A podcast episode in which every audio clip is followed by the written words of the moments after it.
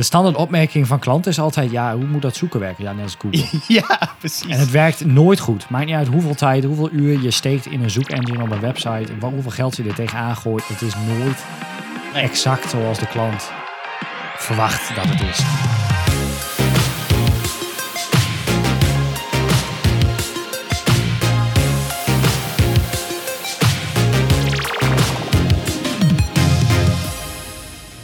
Bij de Pixel Paranoia podcast. Ik ben Mikelle en samen met mijn co-host Rick gaan we alles behandelen rondom UX, UI en frontend development. En ehm, ja, we hebben zoveel nieuwe onderwerpen dat volgens mij kunnen we wel drie afleveringen vullen. Eh, maar dat gaat volgens mij helemaal goed komen. En ik, Zeker. ik wou even aftrappen met iets ehm, ja, waar we eigenlijk met deze aflevering mee nou, niet echt beginnen, want we hebben al twee afleveringen op YouTube gezet. Maar we willen eigenlijk de komende tijd eh, dat blijven doen, want we krijgen volgens mij daar best wel positieve reacties op. Eh, en het werd ook wel een beetje her en der gevraagd door wat mensen. Dus ehm, ja, we gaan het nu ook opnemen. Dus we hebben ook eh, beeld bij het verhaaltje. Dus YouTube komt er gewoon als kanaal bij, naast alle andere 10.000 diensten. Want het bewerken van audio alleen was nog niet voldoende. was nog niet genoeg werk. Dus nou, ja. Nou, dus deze tool helpt ons. We zitten in een specifieke tool, Riverside. eh, die helpt ons denk ik wel een beetje eh, daarin. Dus eh, nou, we, we gaan het zien. Misschien wordt het helemaal een dik succes. Ehm, dan genoeg over dat. Laten we beginnen met de eerste aside. Ja, ik las vandaag dat, ehm dat is al een soort UX in de praktijk eh, dingetje, dat eh, minister Hugo de Jonge ehm, op matje werd geroepen omdat hij regelmatig zijn privé mailaccount zou hebben gebruikt voor werkzaken, wat natuurlijk niet wenselijk is in verband met veiligheid en dingen. Ehm, maar daarover meldde hij tegen de pers dat ehm, ja, de systemen die ze moeten gebruiken zijn nogal zwaar beveiligd en daardoor nogal gebruiksonvriendelijk. En daardoor is dat mailsysteem moeilijk te gebruiken. En daardoor was het praktischer om zijn privé mailaccount te gebruiken.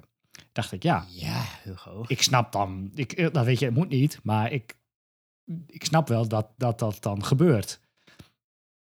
Dus, ehm, en hij schrijft dan ook nog van, ja, je kunt geen stukken aanpassen in het systeem. Dat kan ik wel makkelijk op mijn iPad. Ja. Dus dan, dan is zeg maar, ik, ik weet niet hoe dat systeem in elkaar zit, maar misschien is dat systeem gewoon echt eh, ja, heel gebruiksonvriendelijk. En als dat wel makkelijker in gebruik is, dan wordt het dus ook vaker gebruikt. Of altijd gebruikt, eigenlijk. ja, dat, dat, dat, zit zeker wat in. Dat, dat ben ik met je eens.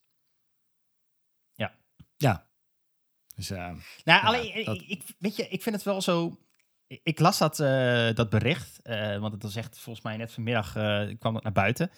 En ehm, ik, ik verbaas me dan over dat zo'n minister. Hoe vaak gaat dit wel niet fout, zeg maar? En het is een beetje. eh, dit staat volgens mij in de, de 101, zeg maar, om minister te worden. Eh, ga niet mailen van je fucking privéadres, zeg maar. Hillary Clinton deed het ook toch? Ja. Hoeveel schandalen zijn daar wel niet mee naar buiten gekomen? En, en dan staat het weer straks op een van de Wikileaks of zo. Staat de hele hebben en houden van onze Nederlandse overheid eh, staat daar weer op. Dus die mondkapjesdeal, dat zit ook weer een van de Gmail-boxje van Hugo. Ik, ja, ik zie dat al helemaal. Ik zie, maar je, je hebt daar gewoon die, die- een iPad en dan heb je inderdaad een mailclient. Maar ja, hij wil gewoon daar zijn, zijn beveiligde mail op. Maar dat mag niet, dat kan niet. Dus ja, dan moet je in- waarschijnlijk in een of andere losse, losse app of zo. Misschien hebben ze niet eens een app en is het via een andere mailclient waar je dan moeilijk ingewikkeld moet inloggen. VPN en, dan, eh, helemaal dichtgetimmerd. Ja, en dat dat dan dus niet, niet praktisch is. Nee. Maar ehm, Maar Nou ja. jij hebt wel een goed punt. Want ehm, mensen gaan dus eh, het on- onveilige pad kiezen eigenlijk, omdat het niet gebruiksvriendelijk is. Dus als Ja. we het en kunnen beveiligen en gebruiksvriendelijk kunnen maken, dan hadden we geen issue gehad. Ja, dat is waar. Ja, dat, dat is een beetje. eh, ja, volgens mij was een paar jaar geleden ook dat WhatsApp en zo werden gebruikt, terwijl dat niet, eh, niet, Oh, ja. niet veilig was. Want dat was makkelijker dan, ja, weet ik veel, allemaal andere tools. En natuurlijk wel Signal nu. Ehm, volgens mij zit de hele ministerie zit wel op Signal, als ik dat af en toe eens lees. Eh, want ja, dat is ook dat is wel beveiligd en makkelijk te gebruiken, zeg maar. Ja.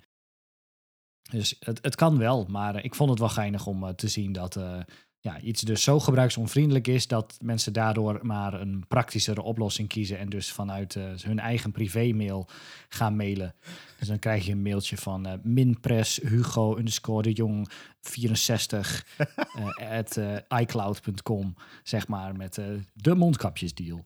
Hey Siewert. Eh, Yo bitch is 96. ja, ja, precies. ja, ja, precies. Skaterboy. Skaterboy. Skaterboy Hugo at eh, iCloud.com. Dus ehm, dat kwam ik tegen. Ja, nee, goeie. En dan door naar this week's Safari update. Ja, het, is- zo hebben we het over Safari, was het nooit iets doen. En zo Ja, maar Safari zeggen, het is nu week- bijna al drie afleveringen. Hebben we het over Safari. Wat, wat is daar Ja, gaande? die, die doen ik. Ja, ik heb geen idee, maar die, eh, die, die knallen er ene naar de andere update eruit. Dus er komt nu in de techno- eh, technology preview, zeg maar, de, is het, Canary-versie van, eh, van Safari, zeg maar, Ja. de Developer Edition. Daar hebben ze weer een hoop toffe dingen eh, aangezet, standaard, die dus in de volgende Safari-update dan, eh, dan meegaan. Eh, te beginnen bij CSS Subgrid Hey. tot op heden alleen beschikbaar in Firefox, maar vanaf deze versie 142 van 23 maart ook standaard aan in dus de development versie van, van Safari. Ehm, Subgrid, voor de mensen die dat niet, eh, niet weten, je hebt Grid met CSS, dat is relatief nieuw. Daarin kun je coole layouts maken. Ehm, alleen je kunt niet vanuit een child element ehm, aanspraak maken op het grid van een parent. Dus Nee. als je een container hebt en je zegt daarin, hey, dit zijn 12 kolommen en daarin zitten 12 kaartjes en je wil de tekst in die kaartjes eigenlijk uitlijnen op het grid van die container daarboven, dan kan dat niet. Dat kan nu wel met Subgrid. Dus eh, daar kun je even verdiepen. Ehm, dat staat dus standaard aan. De CSS container queries staat nu ook standaard aan. Nice. De CSS overscroll behavior staat ook standaard aan. En Top. dat is die property die je op iOS heel graag wilde hebben. Want als je namelijk een pop-upje opent of je bent ergens aan in het scrollen en op het moment dat hetgene waar je in scrolt ehm, op zijn einde is, dan scrolt hij vervolgens verder op het element daarbuiten, zeg ja, maar. Of de, eh, Dus de body in, eh, bijvoorbeeld. eh, Ja, dus als je inderdaad een, een pop-upje hebt of een model of iets en je scrolt daarin, een menu bijvoorbeeld, en je scrolt daarin en je hebt het einde bereikt en je scrolt dan door, dan gaat hij opeens op de achtergrond verder scrollen, zeg maar. Ja. En dan moet je er allemaal hacks voor doen met positions, fixed en hoogtes, 100% en weet ik het allemaal, om te zorgen dat je dan dat je niet kon scrollen in de body. Nou, nu stopt die scroll, ehm, hoe heet het, die ehm, scroll event, die stopt gewoon binnen dat element waarin je scrolt en gaat niet verder ehm ja, daarbuiten. nice. Dus dat is wel nice. Een stuk eh, stabieler van. Zeker voor die, die mobiele websites eh, is dat echt wel handig. Ja, zeker. En ehm, deze had Chrome dan wel. Maar ja, dan is, dat is dan volgens mij voor. Dat is dus voor Android werkte dat wel. Op je browser heb je Ja. daar minder last van. Volgens mij doet hij het daar eigenlijk niet. Weet ik niet 100% zeker. Maar in Safari eh, op iOS was dat een ding. Maar dat, die staat dus standaard, eh, staat nu standaard aan. Ehm, even kijken. Nee, ze hebben eh, ja, nog een, een hoop andere kleine dingetjes, bugjes gefixt. Maar ehm, dit waren de, de drie grote dingen die nu ehm container queries, subgrid en Nice. de overscroll behavior. Die er dus eh, binnenkort, Binnenkort. aankomen in de nieuwe versie van Safari. En dan zitten we volgens mij op sommige van die dingen al aardig op eh, de main browsers straks. Dat is wel tof. Dan, zeker, zeker. Dan heb je inderdaad eh, voor, eh, voor, een, eh, voor de main browsers, Edge, Chrome, Firefox en Safari, Ja. heb je dan, kun je dan echt helemaal los met, met grid en container queries straks en dus layers en weet ik het allemaal. Ja. Opeens gaan we van eh, ehm, vorig jaar nog een potential cool ding naar eh, het zit er bijna allemaal in. Ja. Dus ehm, maakt het leven een stuk makkelijker. Nice. Ik heb wel een inhaakje misschien op dat, eh, op dat laatste, op die, die, die overflow eh, scroll. Ja. Ehm, want ik kwam een artikel tegen. En dat is een blog-item van, eh, wel van vorig jaar al, maar het is geschreven door de Baymart Institute. En die hebben in 2013 een keer een onderzoek gedaan op e-commerce website voor op mobiel. En dat hebben ze dus nu eh, de afgelopen twee jaar eh, ook gedaan. En ze hebben vooral gekeken, nou, hè, wat is er nou verbeterd wat, wat ten opzichte van toen? Nou, natuurlijk heel veel, want er is nu ook veel meer mogelijk eh, dan bijna, even kijken, negen jaar geleden. Dus dat is wel een groot Mhm. gat. Ja. Ehm, maar ze hebben dus een heel groot onderzoek gedaan. Daar hebben ze twee jaar over gedaan. En dat hebben ze eigenlijk op alle grote Amerikaanse e-commerce spelers. Eh, dus dan moet je denken aan Macy's, aan Amazon, aan, nou, you name it. Eh, ze zitten er allemaal wel tussen. En eh, het is een behoorlijk uitgebreid artikel. met ook allemaal ehm, eh, grafieken en tabellen van hey, hoe, hoe performt nou elke website, et cetera. Dus je kunt heel veel statistieken en et cetera uithalen. En je kunt, dat is eigenlijk een beetje hun eigen propositie. Je kunt Bmart zelf een onderzoek laten doen op je eigen website of op je eigen service. Dat, dat doen ook heel veel bedrijven. Eh, maar ze hebben dus deze blogpost eh, geschreven. En ik vond het wel interessant, want er zitten echt wel een paar dingen in waar we eh, rekening mee kunnen houden. En het is wel geënt op e-commerce, maar ik denk dat het eigenlijk voor heel veel sites wel geldt. En ik heb even een, een lijstje eruit gedistilleerd. Dus ik, ik stuur, zet de hele blog wel in, het, in de site notes. ik ben benieuwd.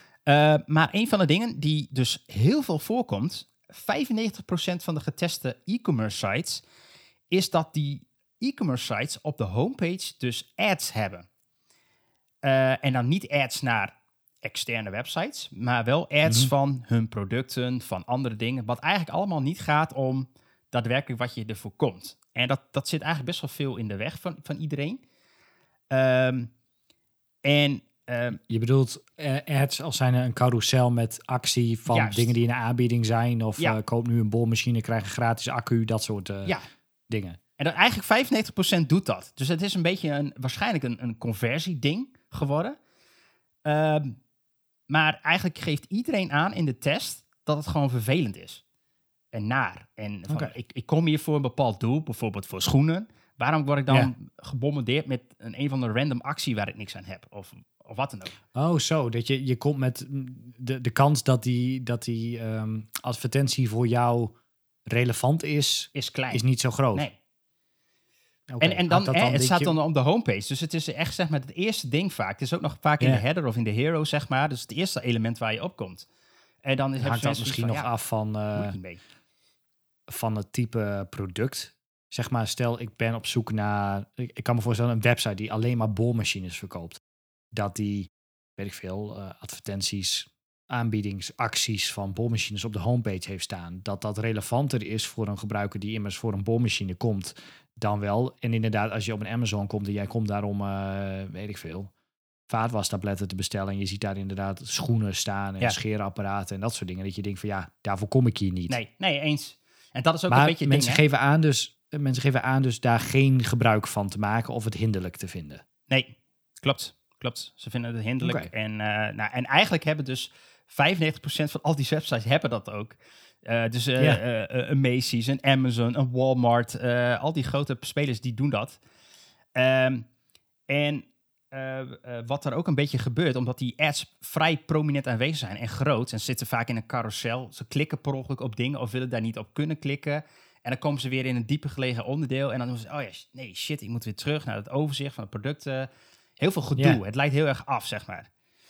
Ik ben even snel aan het kijken. Maar de Coolblue die heeft een, laten we zeggen, subtiele, niet echt een carousel, maar die heeft het over laadpaal en een, en een aantal wasmachines die in de aanbieding zijn en een telefoon waar je korting op krijgt.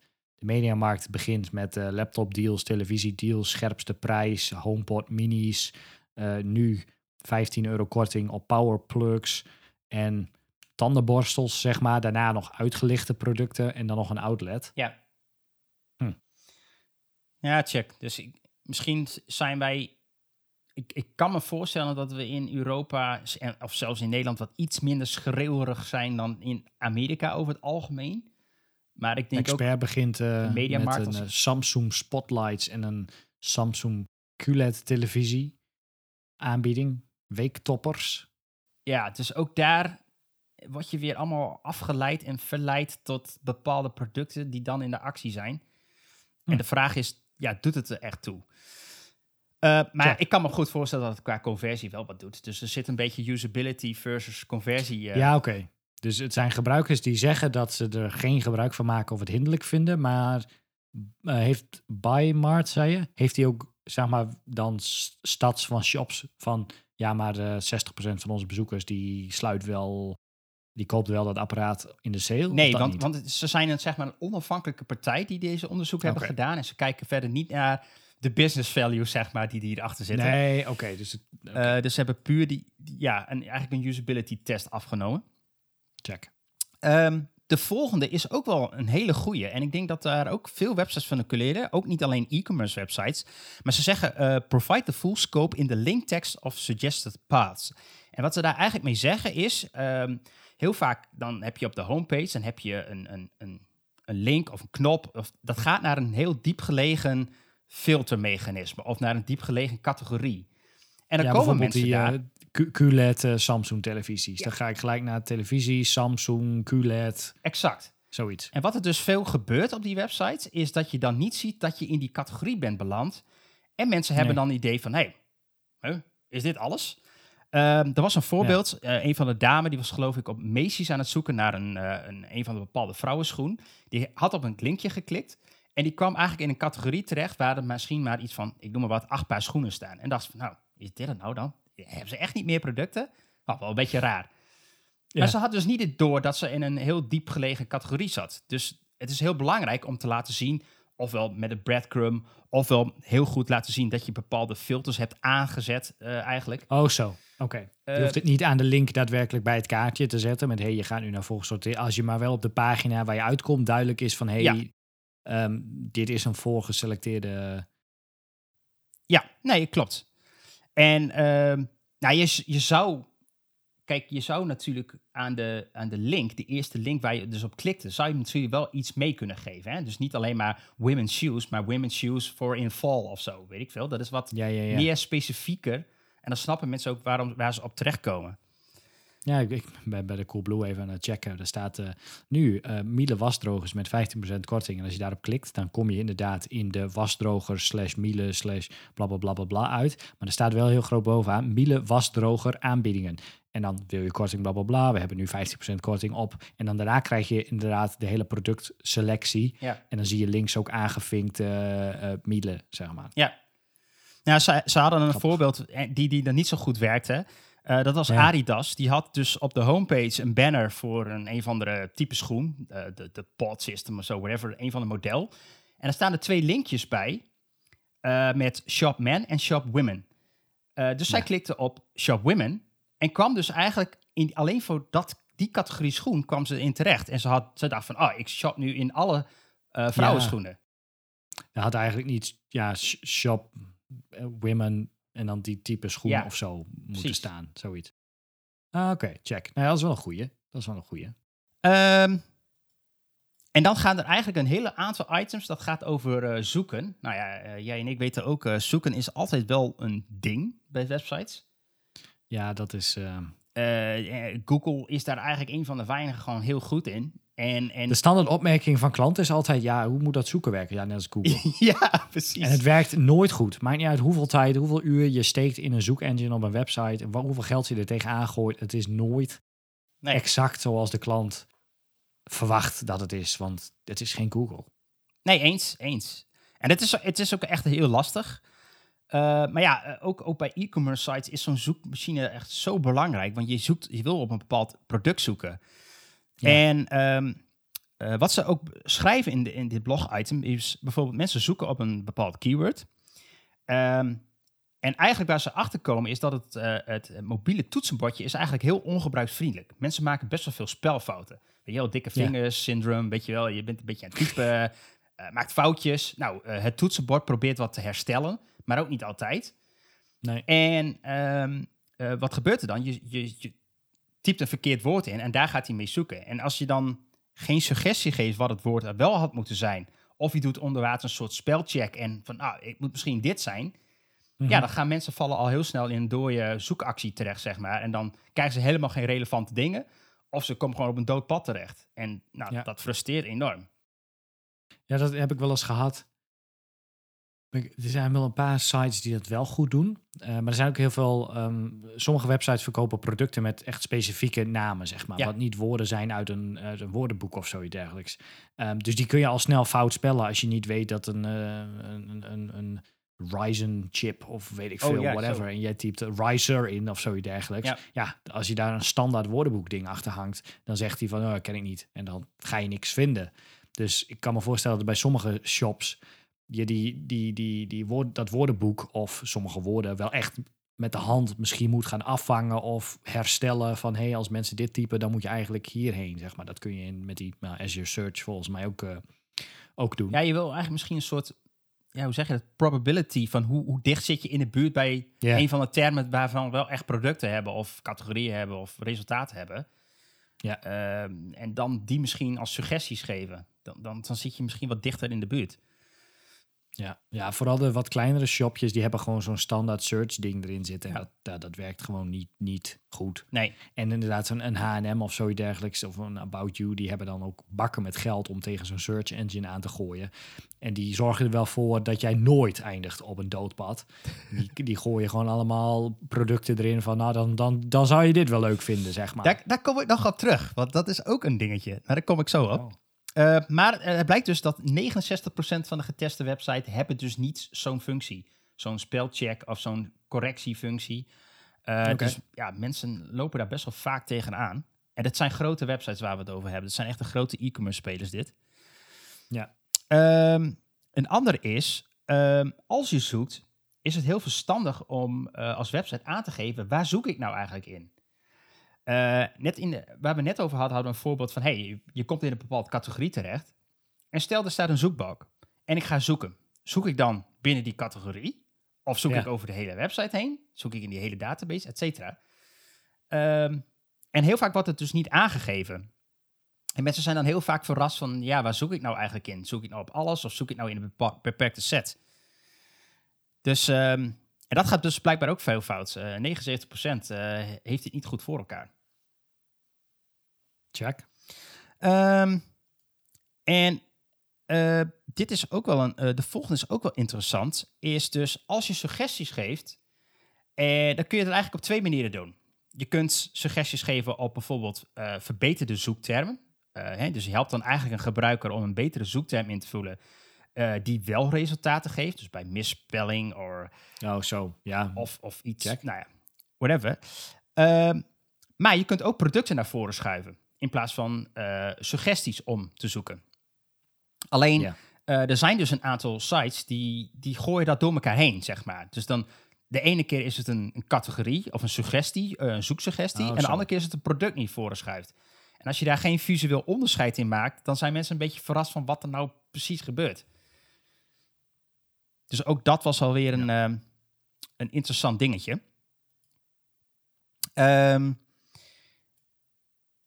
ja, en, en de volgende is, ehm, eh, dat gaat ook over die zoekqueries. Ehm, mensen zoeken op een bepaald keyword, bijvoorbeeld eh, ik zoek op een stoel op Amazon. Ja. En ehm, nou, dan krijg je natuurlijk echt enorm veel resultaten. Dan krijg je 4000 stoelen en nou denk je van, nou, oké, dit is het niet. Ik zoek een stoel met misschien alleen maar een mesh bekleding. Weet je wel, van die gaatjes in je stoel. Dus er gaat, Mhm. eigenlijk wil ik heel graag en makkelijk mijn zoekquery aanpassen. En ehm, er zijn dus een aantal sites, en dat verbaasde me eigenlijk wel een beetje, eh, die dan, je komt op een soort resultatenpagina, maar dan zie je niet de, de ingevoerde term die je hebt ingevoerd. En je kan hem ook niet makkelijk de, de wijzigen. balk is weer leeg. Dus gewoon weer het zoekveld weer leeg. Dus moet je weer helemaal opnieuw beginnen. Ja, dat, dat vind ik wel slecht. Ja, dat ik, ik ook. niet iets in de, ja, dat, de- geen idee. Dat is volgens mij altijd, als je gewoon inderdaad zoekt op iets van, we hebben zoveel resultaten gevonden voor hetgene wat jij hebt ingevuld. Ja. Dat is wel redelijk gebruikelijk. En inderdaad, het laten staan van je zoekterm, zodat je makkelijk een woord erbij kunt voegen, dat vind ik ook gewoon logisch. Ja, en, en type... Maar toch wordt het dus vaak niet gebruikt. Nee, nee, het, eh, even kijken. althans, 42% heeft het niet. Dus dat, dat is best wel fors. Hm. En eh, het is natuurlijk sowieso een ding eh, om op mobiel te typen. Je wil eigenlijk zo weinig mogelijk dat die mensen moeten typen. want het is gewoon veel werk en onhandig. Ja, Dus ja. Even kijken. Eh, er ging nog een stukje over alternatieve zoeksuggesties geven. Eh, dus als jij eh, iets intikt en het is dus niet een term wat, wat voorkomt, dan zou je andere suggesties kunnen geven. Nou, er zijn dus blijkbaar ook heel veel sites die dat niet doen. Ehm verbaasde mij ook wel een beetje. Zeker omdat het van die grote e-commerce spelers zijn. ja precies. Ehm, En dit was ook wel een, de volgende was ook wel interessant. Iemand zocht op een, ik weet niet welke site het meer was, eh, maar op specifiek bijna exact de categorienaam.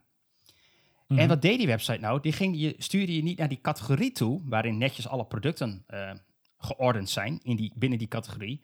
Nee, het ging zoeken naar alle producten die soort van met die categorie te maken hadden. Dus Oh, maar daar kan ik wel heel, heb ik wel heel veel voorbeelden van. ja, Dat is toevallig, ik was net even aan het testen. Coolblue, ja, wederom, ja, geen Coolblue doet gewoon dingen goed. Maar als je daar zoekt op wasmachines, of beeldschermen, of monitoren, of weet ik veel wat, dat, dan eindig je inderdaad in de, als je zoekt op beeldscherm volgens mij, op monitor, of weet ik veel, zoiets, dan eindig je in de categorie op monitor, Ja, op beeldschermen, top. weet ik veel. Zoek je op televisies, dan begin je in de categorie televisies. Dan krijg je dus niet resultaten voor televisies. Je gaat naar de categorie Televisie. televisies. ja, want dat wil je waarschijnlijk. En ik, bij Mediamarkt zag ik dat het daar net, ik typte in eh, Apple laptop. Toen kwam ik in de categorie Apple MacBooks uit, zeg maar. dat is best oké. Dat, dat is wel, dat is fijn. Ja. Als je dat precies kunt aangeven als je al zoekt naar iets heel specifieks. Ja, want eh, bij deze websites was het dus zo. eh, je, je zocht naar, naar bijvoorbeeld naar televisies, kreeg 507 resultaten. Ging je naar de categorie televisies, waren er maar 200 eh, nog wat tv's. oh ja. Ja, maar dat is als je bij de Mediamarkt, denk ik, als ze dat niet zouden doen en je zoekt op Apple laptops, dan krijg je denk ik alles van Apple Ja. kabels, oortjes tot laptops dingen en et cetera. En inderdaad bij televisie zal je dan ook wel resultaten krijgen voor overal waar het woord televisie of televisies in staat, van HDMI-kabels tot you name it. Dan is het inderdaad super chill als je direct naar die categorie zou, eh, zou gaan. Ja, ja eens. Is dat ook relevant voor andere niet-e-commerce sites? Zit ik nu even te denken. Ik kan me voorstellen dat als je zoekt op eh, weet ik veel, contact of zo, dat je dan niet pagina's moet krijgen met contact. Ja, en het contact woordje en contact erop, maar juist de ja, contactpagina. precies. Maar dat je dan naar de contactpagina zou, Ja. zou gaan. Dat lijkt me wel logisch. Ja, eens. wel, wel moeilijk, denk ik, om misschien eh, Ja, zeker te weten dat dat is waar je heen moet. ja, je zou natuurlijk misschien naar de statistieken kunnen kijken waar veel op gezocht wordt en wat mensen dan een beetje verwachten. Dus ik denk dat het goed is om je zoekmachine goed eh, te meten, in ieder geval. Dat helpt wel. Ja, want wanneer is een zoek, wanneer is het een zoekopdracht en wanneer is het eigenlijk een eh, trekken wij je zoekopdracht uit elkaar en leiden weer naar een pagina. Ja. Stel je bent wel op zoek naar contact voor iets specifieks, je typt contact in en je bent pam, ben je opeens op contactpagina. Ik, denk, ik zocht op contact. en, Ja, ben dat, ik hier. maar dat is bij, bij Google ook wel een beetje zo. En als je letterlijk op het woord daar wil zoeken, dan doe je er bijvoorbeeld quotes omheen of zo. Zou nog, dat soort trucjes zou nog kunnen. Toevallig had ik vandaag een discussie, of gisteren een discussie met iemand die zei van, ja, dat weet je toch wel. Ging over het zoeken binnen een, in een zoekveld en eh, met een wildcard. Oh. Hij zegt, ja, maar dan zet je er toch een sterretje achter. Ik zeg, gast, dat weet toch niemand? niemand die, die op een website komt, wie, weet je, dedicated Google gebruikers, die weten dat je in URL kunt gebruiken, zeg maar, in quotes en plusjes. ja, en ja, ja, ja. inderdaad wildcards. Maar de mensen die op deze website komen, die weten niet hoe ze advanced searching moeten gebruiken op het moment dat er geen instructie bij staat. Die typen gewoon een woord in en verwachten dan een resultaat. Dat denk ik Die ook. gaan ja. niet met een sterretje zoeken. Ja. Ja, nee, eens. eens. Ehm, ja, dat waren een beetje de dingetjes over zoeken. Eh, nog een paar kleine andere dingetjes. Ehm, en dat vond ik ook wel goed. Het gaat over formulieren. En ehm, nou doe ik dit eigenlijk niet vaak. Maar er zijn dus wel mensen die het doen. Is hun mobiel naar landscape draaien. En eh, we doen vaak formulieren op mobiel. Dan zetten we het label en daarna het invoerveld. Ja. Maar als, eh, als je naar landscape eh, draait, dan is het eigenlijk natuurlijk wel, als je zoveel mogelijk op het beeldscherm wil hebben, zeker als je je toetsenbord open hebt, dan wil je Ja. eigenlijk label en dan invoerveld ernaast, in plaats van onder elkaar. Dat makes sense. Want inderdaad, als je in landscape draait en je hebt je toetsenbord open, je hebt die adresbalk staan, dan heb je nog Ja. echt een vinger over Ja. om inderdaad iets op kwijt te doen. En dan is vast het punt, als je het label er dan boven zet, dan kun je het niet zien wat Exact. je in het veld Ja. typt. Of althans, je ziet wel wat je in het veld typt, maar je niet welk label erboven hoort. Nee, eens. Dat is wel een goed punt. Ik, ik, to be honest, ik heb de media query eh, is landscape nog niet vaak gebruikt. nee, nee, ik ook niet. Maar het zette me wel even aan, aan het denken van, ja, hm, misschien moet ik daar wat mee doen. Ik moet wel eerlijk zeggen, ik gebruik echt nooit landscape, want ik vind het 9 van de 10 keer echt waardeloos. In, in, welke app of website Ja. dan ook. Veel mensen, als ik zeg maar mensen hun telefoon moet fixen of zo, en ik moet wel iets landscape, dan hebben ze, iedereen heeft die rotation lock aanstaan. Gewoon, Ja, dat snap ik wel. want ja, Maar ik, ik merk ook draait dat... je telefoon de hele godganse dag. Ja, loopt, ja, eens, eens. Ehm, even kijken. Eh, de volgende is eh, error messages. En ja, dit is echt wel een, een punt die, die nog steeds veel voorkomt. Volgens mij is dat al, al tien jaar gaande. Ehm, ja, als jij een formulier verstuurt en er zitten errors in, dat je dan niet naar de juiste error wordt gestuurd. Of niet naar de juiste error wordt gescrolld. Of dat hij niet aangeeft Ja. welk veld eh, verkeerd is. En dat is echt heel frustrerend. Zeker op het mobiel. En wat er fout is. Ja, ja. Nou, dat is een klassieker. Ja, dit, dat is. eh, En 96% doet dit dus nog fout. Dat is echt wel fors.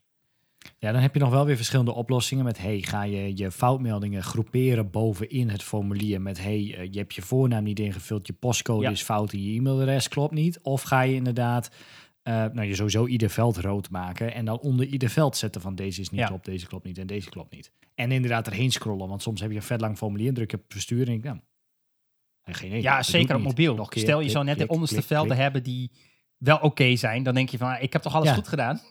Ja, doe het niet. Raar. En dan maar weer omhoog scrollen en dan hopen dat je vindt wat de fout is. Je postcode, waar je dan inderdaad geen of wel een spatie tussen je eh, cijfers en je, en je, eh, je letters moet zetten. Ja. Of wel of niet caps lock. Verzin het maar. Ehm, het volgende puntje is een, eh, een adresvalidator toevoegen.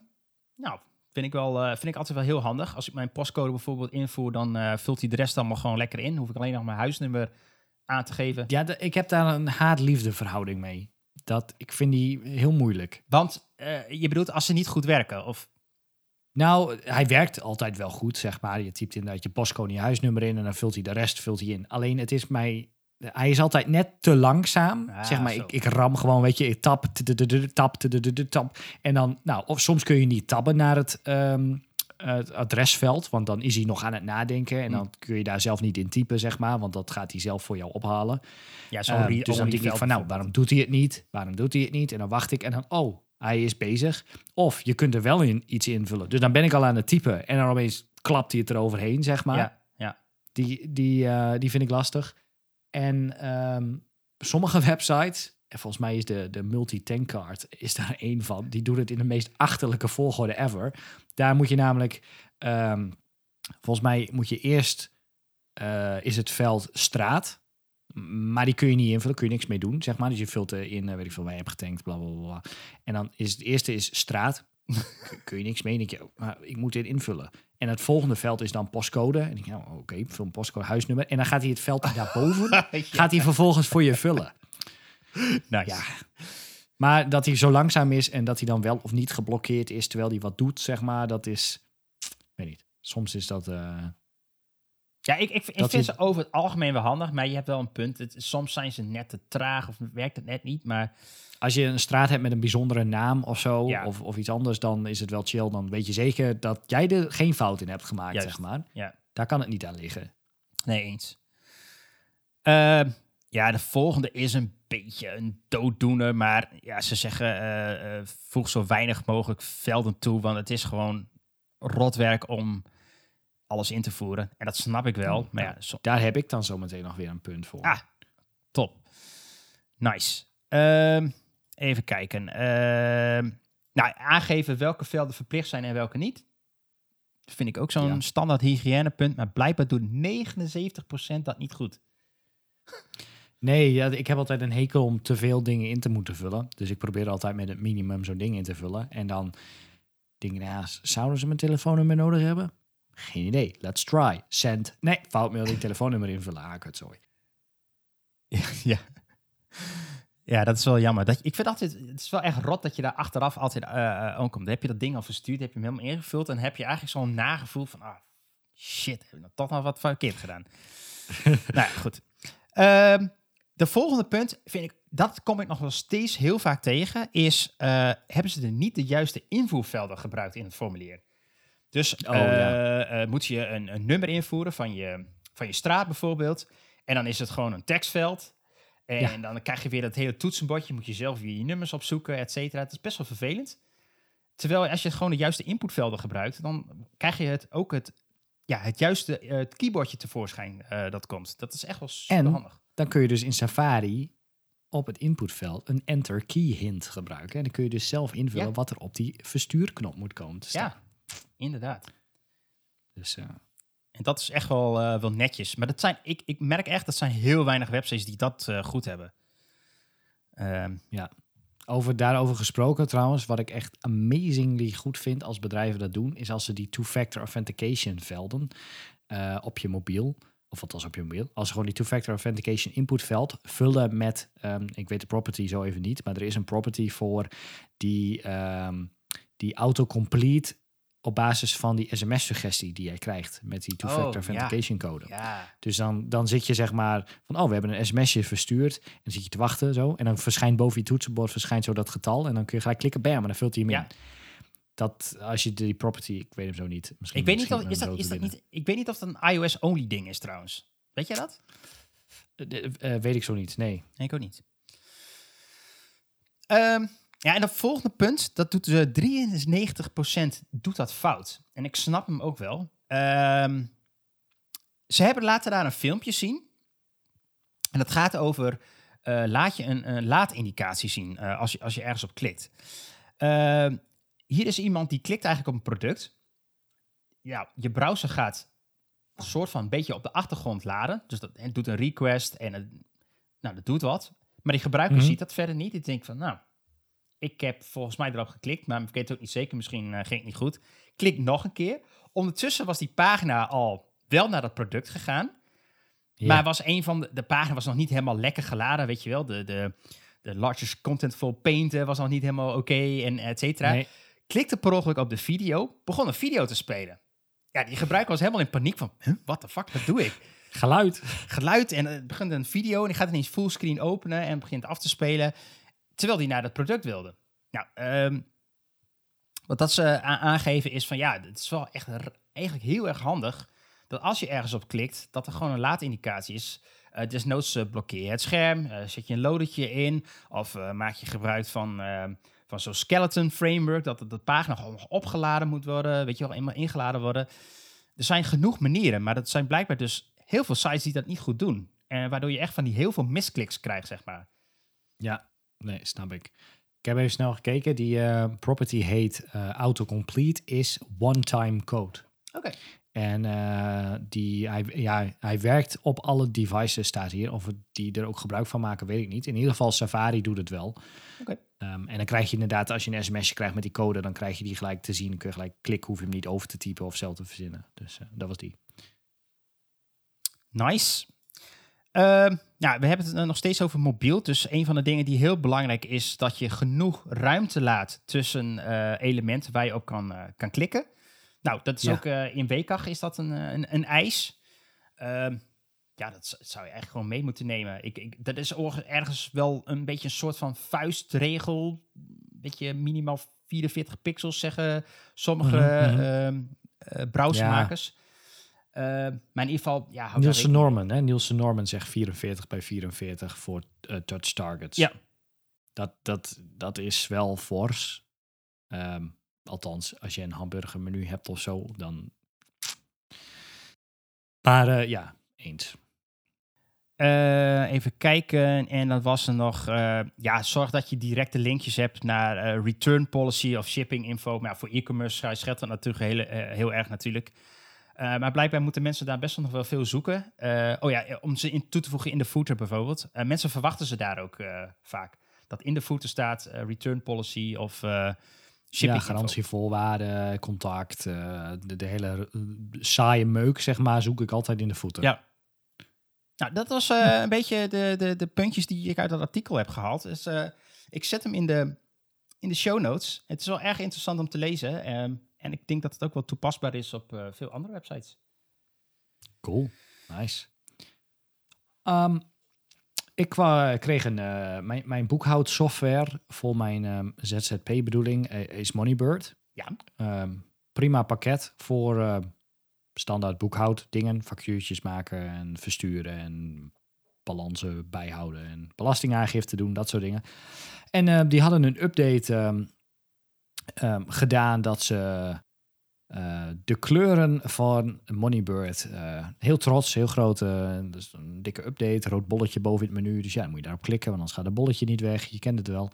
Um, een artikel over dat er een nieuw kleurenpalet is in Moneybird. Want um, ze gaan, willen, moeten voldoen aan de European Accessibility Act van 2025. Wat inhoudt dat nou, niet alles toegankelijk moet zijn, zoals we het al wel eens over gehad hebben, maar wel computers, besturingssysteem, webshops, smartphones, tv-apparatuur, telecommunicatiediensten, um, audiovisuele mediadiensten en alle financiële diensten zoals internetbankieren. Ja, waar ik uh, uh, die, twee, drie afleveringen ook... Uh... Precies. Die moeten dan allemaal toegankelijk, toegankelijk zijn. Dus Moneybird, die is een financiële dienst en die wil dus dan tegen die tijd uh, alvast helemaal volledig toegankelijk zijn. En daarvoor hebben ze nou, een heel plan gemaakt met wat ze allemaal willen aanpakken. Um, en eentje daarvan was de kleuren. Dus laten, laten we beginnen per onderdeel. We beginnen met de kleuren. Uh, dus ze zijn begonnen met het aanpassen van de, van de kleuren. Ze hebben een heel mooi artikel geschreven over uh, nou, hoe de kleuren er nu uitzien en waarom ze dan niet voldoen aan de WCAG-contrastwaarden, zeg maar. Want Moneybird is best wel uh, blauw, zeg maar, ja. met witte tekst. En dat contrast was niet voldoende. Um, facturen die je verstuurt, die hebben een labeltje. Die zijn rood of groen of uh, geel of afgewezen. Nou, allemaal verschillende kleurtjes. Die waren allemaal niet, niet uh, voldoende. Dus ze hebben een, uh, nou, dit hele artikel geschreven over hoe ze dat dan hebben aangepakt en um, hoe ze dat dan hebben getest. Dus ze hebben dan de kleuren van de nieuwe labels hebben ze uh, in plaats van groen met wit en rood met wit en blauw met wit hebben, we, hebben ze ze lichtblauw met donkerblauwe tekst gemaakt en lichtgroen met donkergroene tekst. Zeg maar een beetje echt een hele lichte shade groen en blauw en rood. Uh, waardoor ze nu voldoen aan AAA. Dat was een beetje het uitgangspunt. Oké. Okay. Ze hebben het ook nog getest met kleurenblindheid. Ja. Uh, hebben ze erbij gezet met verschillende, verschillende soorten. Helemaal mooi, dachten ze. Gaan we er banaan. en toen kwam er dus een update met... Uh, hey, uh, we hebben jullie feedback uh, ontvangen. Voornamelijk van... Uh, nou, binnen no time hebben we veel feedback ontvangen. Deels positief, maar ook deels negatief. En de, de negatieve feedback had toch de overhand. Voor veel gebruikers met een visuele beperking bleek het onderscheid tussen de verschillende labels niet goed genoeg. Een duidelijk signaal om terug, de wijzigingen terug te draaien en terug te gaan naar de tekentafel. En um, wat het inhaal, waar het eigenlijk op neerkomt, is dat ja, ze hebben nu inderdaad theoretisch gezien voldoet alles aan de contrastwaarde. Ja. Uh, AAA zelfs, wat echt vet hoog is. Maar omdat het het verschil dus niet nu, omdat alles licht is met donkere tekst, is het verschil tussen lichtgroen en lichtgeel en lichtrood en lichtgrijs. Nou, als je dus visueel beperkt bent, ligt dusdanig dicht bij elkaar dat je daar het verschil niet meer tussen ziet, waardoor mensen niet meer konden zien of een factuur nou afgekeurd, betaald of herinnerd, zeg maar, was. Dus het heeft eigenlijk dus, het averechtse effect uh, gecreëerd. Ja, dat vond ik wel geinig. Want ja, ze hebben dus echt heel mooi artikel geschreven, vet goed een research gedaan, alles gecheckt, helemaal mooi. En vervolgens ja, werkt het in de praktijk dus niet zoals dat uh, uh, ja, de theorie doet voorschrijven. Ik vind dus, wel ze hebben dan nu. Ze hebben, um, ja, sorry, ik, ik, ik, zie even een voorbeeldje van hoe ze in de oude situatie was en in de nieuwe situatie. Ook bij kleurenblindheid. En ik vind eigenlijk de oude situatie zit veel meer verschil, contrastverschil tussen. Ja. Dan. Het, het, ik, wat ze wel gefixt hebben is zeg maar de tekstcontrast van het individuele button, maar niet van de buttons ten ogen van elkaar. Nee, precies. Dus ze hebben nu dan eerst maar gekozen om het lichtblauw ietsje donkerder blauw te maken en het rood ietsje donkerder rood. En um, nou ja, een, een, beetje, laten we zeggen, van, van frisse kleuren het, de iets saaiere kleuren gemaakt. Yeah. Om het contrast van inderdaad de witte tekst in de gekleurde knop te verbeteren. Uh, in plaats van het gelijk over de volledige boeg te gooien. Dus dat vond ik, vond ik geinig. Ja. Uh, toen was ik verder aan het lezen van, goh, hoe pakken ze dat dan aan en wat hebben ze nog meer gedaan? Ze hebben inmiddels ook alle tabellen hebben ze toegankelijk gemaakt. Okay. Uh, ze hebben een heel mooi artikel geschreven over nou ja, waarom het eerst niet, niet goed was, zeg maar. Ja. Zo waren inderdaad uh, um, tabellen hadden geen, niet, soms geen, geen headings. Uh, of er werd niet juist, ze hadden niet juist de area labels, et cetera. Waardoor niet um, juist werd voorgelezen in welke kolom je zat, bijvoorbeeld. Dus dan werd er een datum opgenoemd, maar dan heb je geen idee wat de, de header is van die kolom waar die in zit. Eh, en waar die datum dus bij hoort. Of dat verstuurd is of ontvangen of whatever. En nu zegt hij kolom 1, verstuurd, rij Ja, zoveel, datum. Dus dat hebben ze, dat hebben ze opgelost. Ehm, nou, en ze hebben nog een aantal andere screenreader eh, headings toegevoegd die je visueel, dus die wij niet zien, eh, maar als je met een screenreader gebruikt, wel, ehm, eh, wel wordt voorgelezen. Dus hebben ze wel een mooi, eh, mooi blogpost over geschreven. Ja, goed bezig. En ze hebben ook de facturen hebben ze, ehm, gedaan. De pdf'jes hebben ze aangepast. En ik kwam er, ehm, recent kwamen wij erachter dat je als je website volledig digitoegankelijk ehm wilt zijn, moet zijn, dat ook downloads die je op je website aanbiedt eigenlijk toegankelijk moeten zijn. Ja. Dus het gaat verder dan alleen dat jouw website contrast en alles helemaal top is. Maar je hebt een hele rits aan downloadbare pdf'jes en PowerPoint presentaties en, en andere dingen erop staan. Maar die zijn, die zijn niet juist gestructureerd.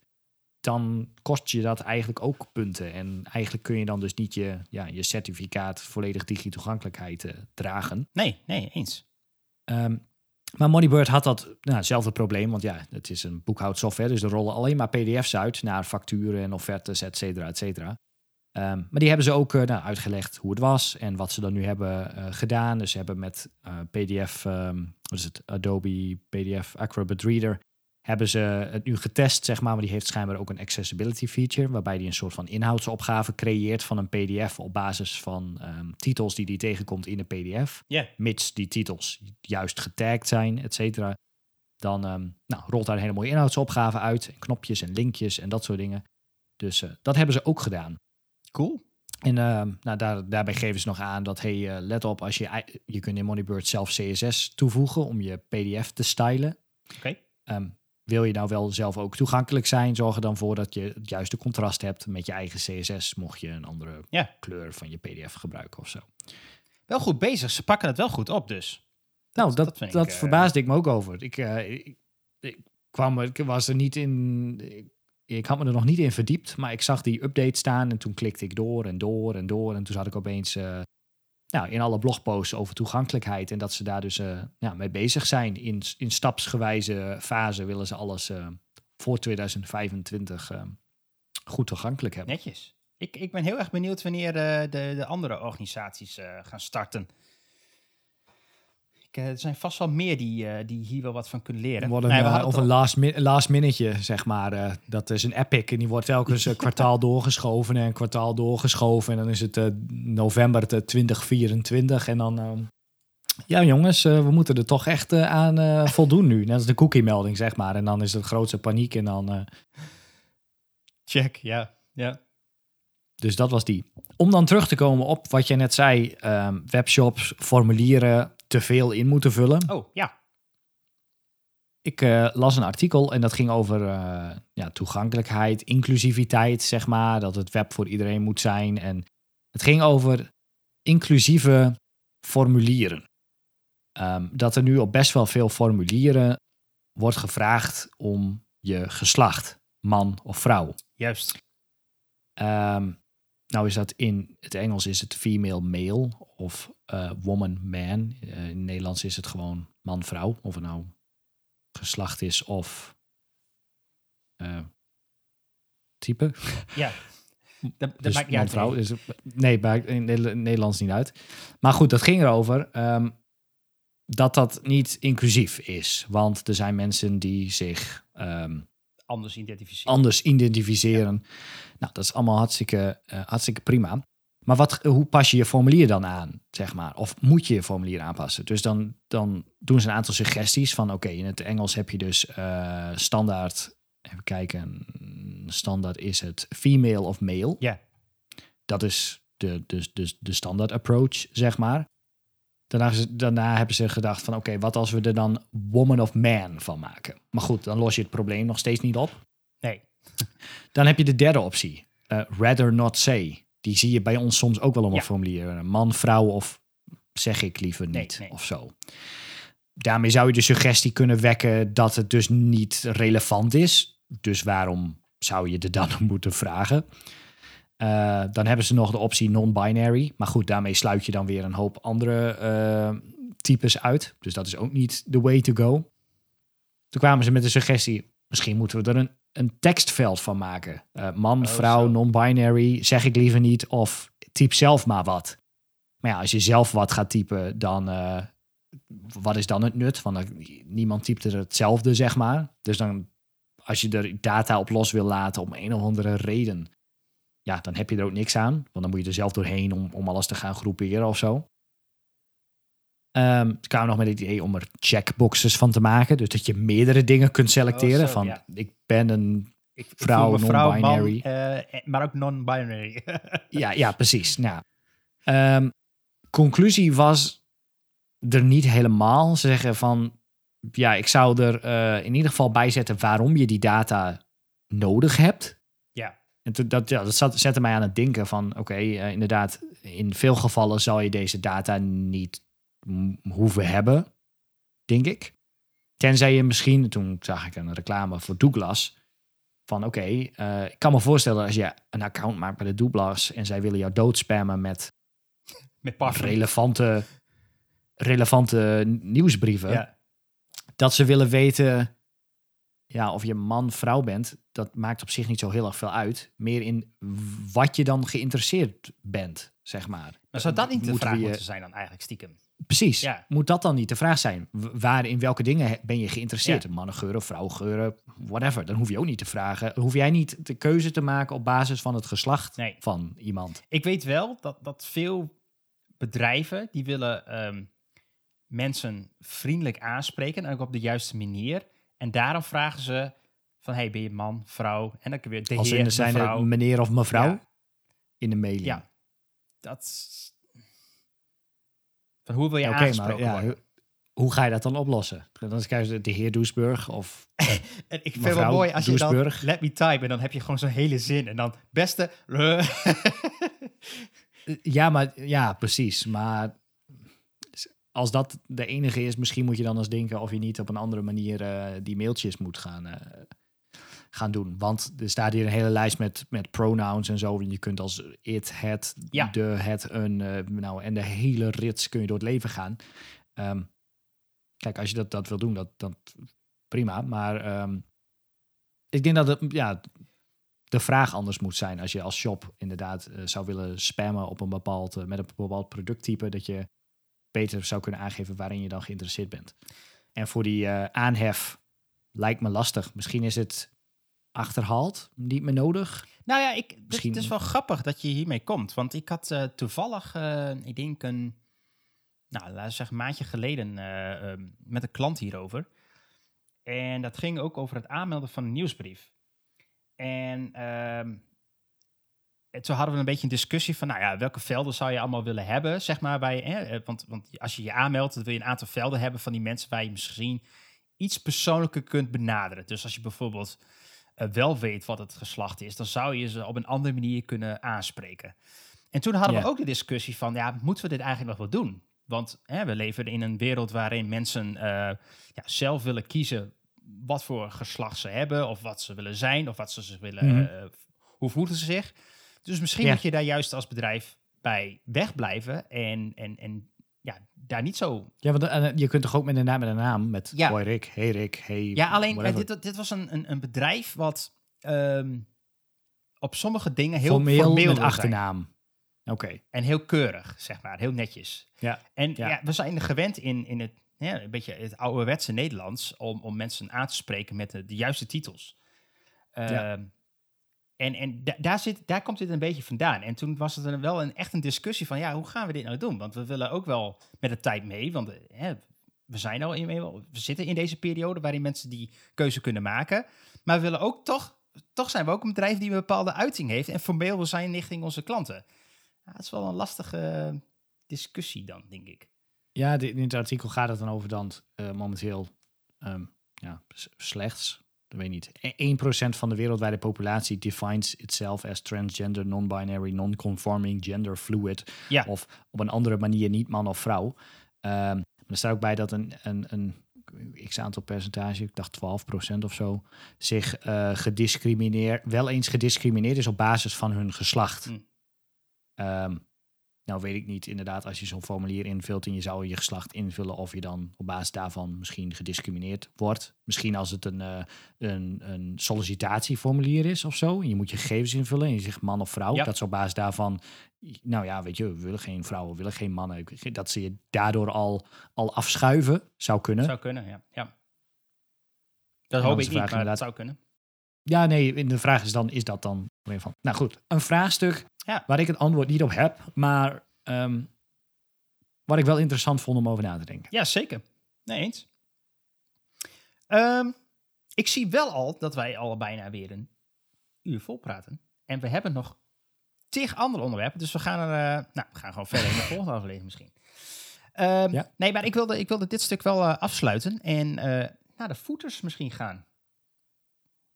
Dat, eh, dat kan. Eh, jij mag eerst wel even met de voeten. Mijn voeten is niet heel lang. Ik heb, ehm, even denken, volgens mij kwam vorig jaar deze serie uit. Ik heb weer een serie eh, Ah. op Amazon Prime.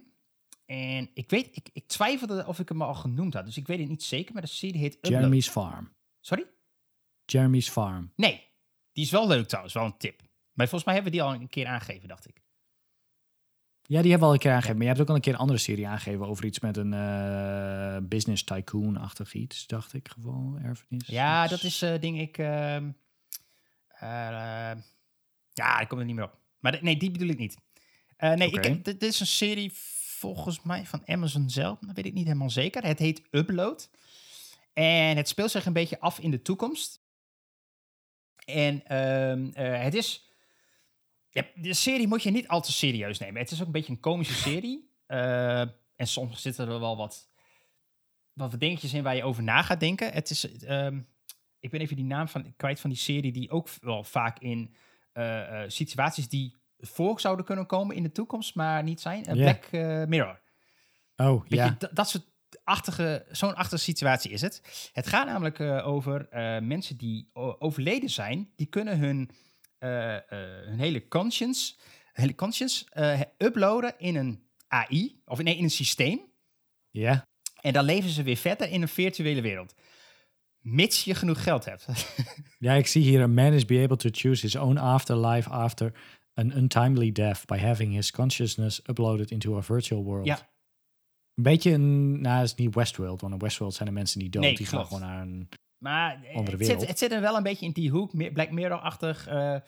en wat wel grappig is, is eh, ze hebben die hele afterlife, dat hebben ze helemaal commercieel gemaakt. Dus je moet voor alles betalen. Eh, je hebt eh, bandbreedte, eh, je hebt eh, zoveel gig. eh, eh, als je echt, eh, je kan luxe eten krijgen of niet. Je kan een heel luxe appartement krijgen of niet. Mensen die weinig geld hebben, die zitten eigenlijk in een soort van keldertje. En die hebben ook geen, geen eten verder. Of die krijgen volgens mij één keer een, een, eh, een broodje per maand of zo. En die hebben ook een, een, een maximale eh, eh, eh, datalimiet, zeg maar, om het zo te zeggen. En ze, dus ze kunnen maar eh 1 gig aan, aan, aan leven meekrijgen. Dus dan zijn ze zeg maar maar één dag in de maand actief of zo. Oké. En ehm, nou, er, ge- er gebeuren van allerlei dingen. En het draait om een hoofdrolspeler die dus geüpload is, die dus ehm, dood is. En Ja. hij probeert uit te volgen waarom is hij nou eigenlijk dood. Want het, het leek op een ongeluk, maar nou, dat is het niet helemaal. Ehm, Oké. en ehm, nou, wie zit er nou achter dit systeem? Wie heeft dit bedacht? En hij is een coder. En nou, het is wel echt wel grappig gedaan. Ik vind het echt een hele leuke serie. eh. Wel een. Alright. Nice. Ik, eh, nou ja, dat weet ik weer wat ik moet doen. eh. Weer- Weer een serie kijken. komt geen eind aan. Check. Eh, ja, ik heb twee, twee voeter tips. Eh, de eerste is, ehm, die heb ik al eens eerder gegeven, echt lang, lang geleden. Maar dat was User Crowd. Ja.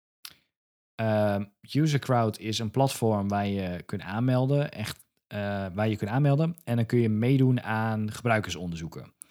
Ehm, van Amerikaanse, Engelse dingen, maar ook best wel veel Nederlandse bedrijven.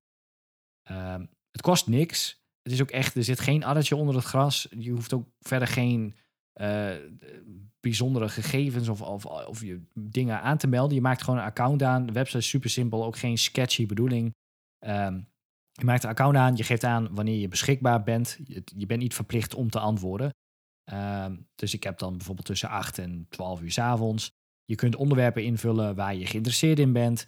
Eh, ze hebben nu ook net uitgebreid met een, een lijst met eh, producten die je gebruikt, websites die je gebruikt.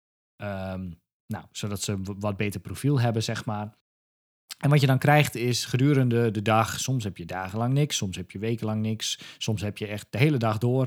eh, krijg je push notificaties als je ze aanzet in je browser of je krijgt mailtjes ehm, met gebruikerstesten of user testing. Ehm, het, het, en daar kun je geld mee verdienen. De, goedkoopste is volgens mij 20 cent. ehm, en dat duurt echt 30 seconden of zo dergelijke. Moet je één vraag beantwoorden. En soms dan zijn er een paar vragen. Dan, dan krijg je een euro. Soms zit er een dikke klapper bij en dan krijg je 5 euro. En dan ben je 10 minuten bezig om door wat prototypes heen te lopen en wat vragen te beantwoorden. Zit er van alles en nog wat komt voorbij. Ik heb de ANWB al gehad, BOVAG, ehm, wat nog meer, KPN, Ziggo, Centraal beheer. je kunt zeggen eh, Essent, Ja, van alles en nog wat. ehm, komt voorbij. Dus ik ben eigenlijk ook een beetje een soort van insider. Dus je krijgt allemaal eh, advertenties ook van thuisbezorgd en Twix en weet ik het allemaal. Allemaal nieuwe, product, eh, nieuwe productdesigns, zeg maar. Van, eh, het kan zo simpel zijn als welke product vind jij het mooier? En dan krijg je twee ijsthee eh, pakken te zien. En dan nou, moet je de een, kun je een van beide kiezen. Soms moet je nog uitleggen waarom je de een beter vindt dan de andere. Ja. Ehm, soms zitten er prototypes bij waardoor je doorheen moet lopen. Ehm, vandaag moest ik een tweedehands fiets kopen op, ehm, op BOVAG. En dan zegt ze, nou, koop, ga op zoek naar een gazellenfiets. Nou, dan moet je door de prototype heen klikken. Oh, cool. Op zoek naar een gazellenfiets. En dan moet je hem in je winkelmandje doen. En dan moet je hem afslu- af, kopen met bunk of zoiets dergelijks. Ja. Nou, klik, klik, klik. En dan zeg je taak voltooid. Ja. Nou, wat vond je makkelijk aan deze taak? Wat kan beter? Ehm, hoe- nou, dan moet je 1 tot en met 10 geven. Nou, en dan krijg je 1,20 euro. Dat heb ik vorig jaar eh, in maart volgens mij al eens een keer eh, als tip gegeven. Ik ben nu een jaar verder. En het heeft mij opgeleverd.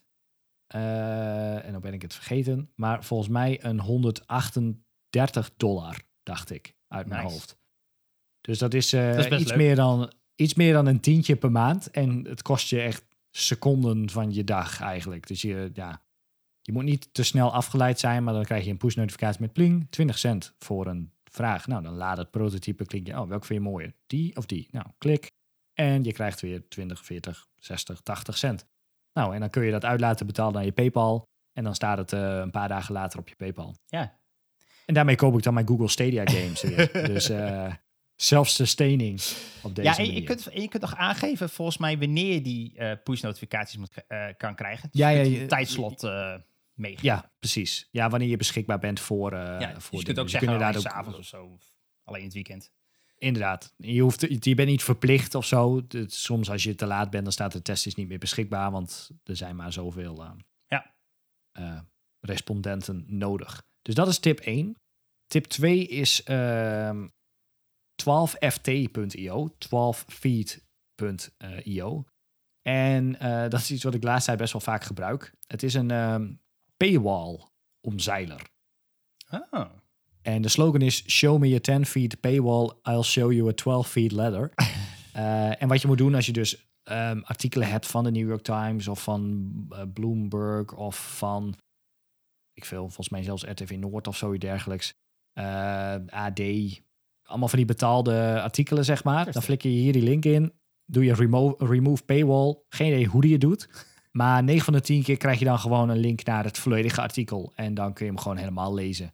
Dus soms dan Hmm. kom je iets tegen en dan denk je, ah fuck, ik wil het lezen. En je weet je, je kunt wel cookies weggooien, anoniem eh, browsen, soms andere moeilijke hacky dingen doen, andere IP-adres Ja. of, of... En soms doet hij het wel, soms doet hij het niet. Maar met deze heb ik eh 9 van de 10 keer wel een succes. Je gooit gewoon een URL erin en dan... eh, Nice. Ik vind het wel handig. ik, weet, niet- ik weet niet zeg maar, of dit nou een goed doel is of niet. Maar ik weet wel, ik, ik, ik kijk vaak in die eh, nieuwssectie op mijn, op mijn iPhone. Weet je, wat heet hij? Ja. De hele dag wordt dat geüpdate met nou, artikelen die nu eh, happening ja. zijn. En daar zitten best wel vaak premium artikelen tussen. Bijvoorbeeld van AD of Telegraaf of weet ik veel. Dus dat is Ja. wel eh, handig. Nice. Klopt. Dan, eh, en, en, in die, en die premier artikelen, die kun je dan zeg maar, omdat ze niet een full-on blok hebben, kun je die soms wel kijken, zeg maar. Dan klik je erop en denk je, oh, oh, dan kan ik hem wel opeens zien. En dan kan ik hem, andere keer kan je hem niet lezen. Ja. Maar ehm, meestal, ehm, eh, meestal werkt dit. Nice. Goeie tip. Dus eh, niet altijd. Geen idee waarom niet, maar nou, beter, dan, eh, beter dan niks. Alright. Dat was hem. dat, ja, ik heb, nog, ik heb nog een hele lijst, maar daar gaan Ja, we nee, nee. een andere aflevering, Andere aflevering. maken. Kom, komt meer, komt meer. Nee, super tof. Dus ehm, mocht je deze aflevering nou ergens horen waarvan je denkt van, nou, ik wil hier wel vaker van horen, abonneer je dan. Dat kan in een zelfgekozen dienst. Eh, Google Podcast, Spotify, Amazon Music, eh, YouTube, nu maar ook. Eh, ja, you name it. Eigenlijk zijn we op alle diensten wel te bereiken. En mocht je nou feedback hebben of je wil lekker met ons meekletsen, we hebben ook nog steeds een Telegram kanaal. En ik wil nog even een shout-out doen naar Twan en Rogier. Welkom. Ehm, want het wordt steeds lekker drukker en gezelliger. Dus dat is hartstikke tof. Dus eh, mocht je daarheen willen gaan, dan kan je naar Telegram en zoek even naar Pixel Paranoia. Ehm, wil je op een andere manier feedback geven? Dat kan ook. Je kan naar Vriend van de Show gaan. En daar staan we ook op. Ik moet nog Pixel steeds achter de t-shirts aan. En eh, het is, ik het zo niet opnoemen. We zijn overal. We zijn gewoon overal. Bushokjes, eh, straks in de bus ook. Ja. Nee. Nee, goed. Ehm, ik wil zeggen, tot de volgende keer. Tot de volgende keer. hoi.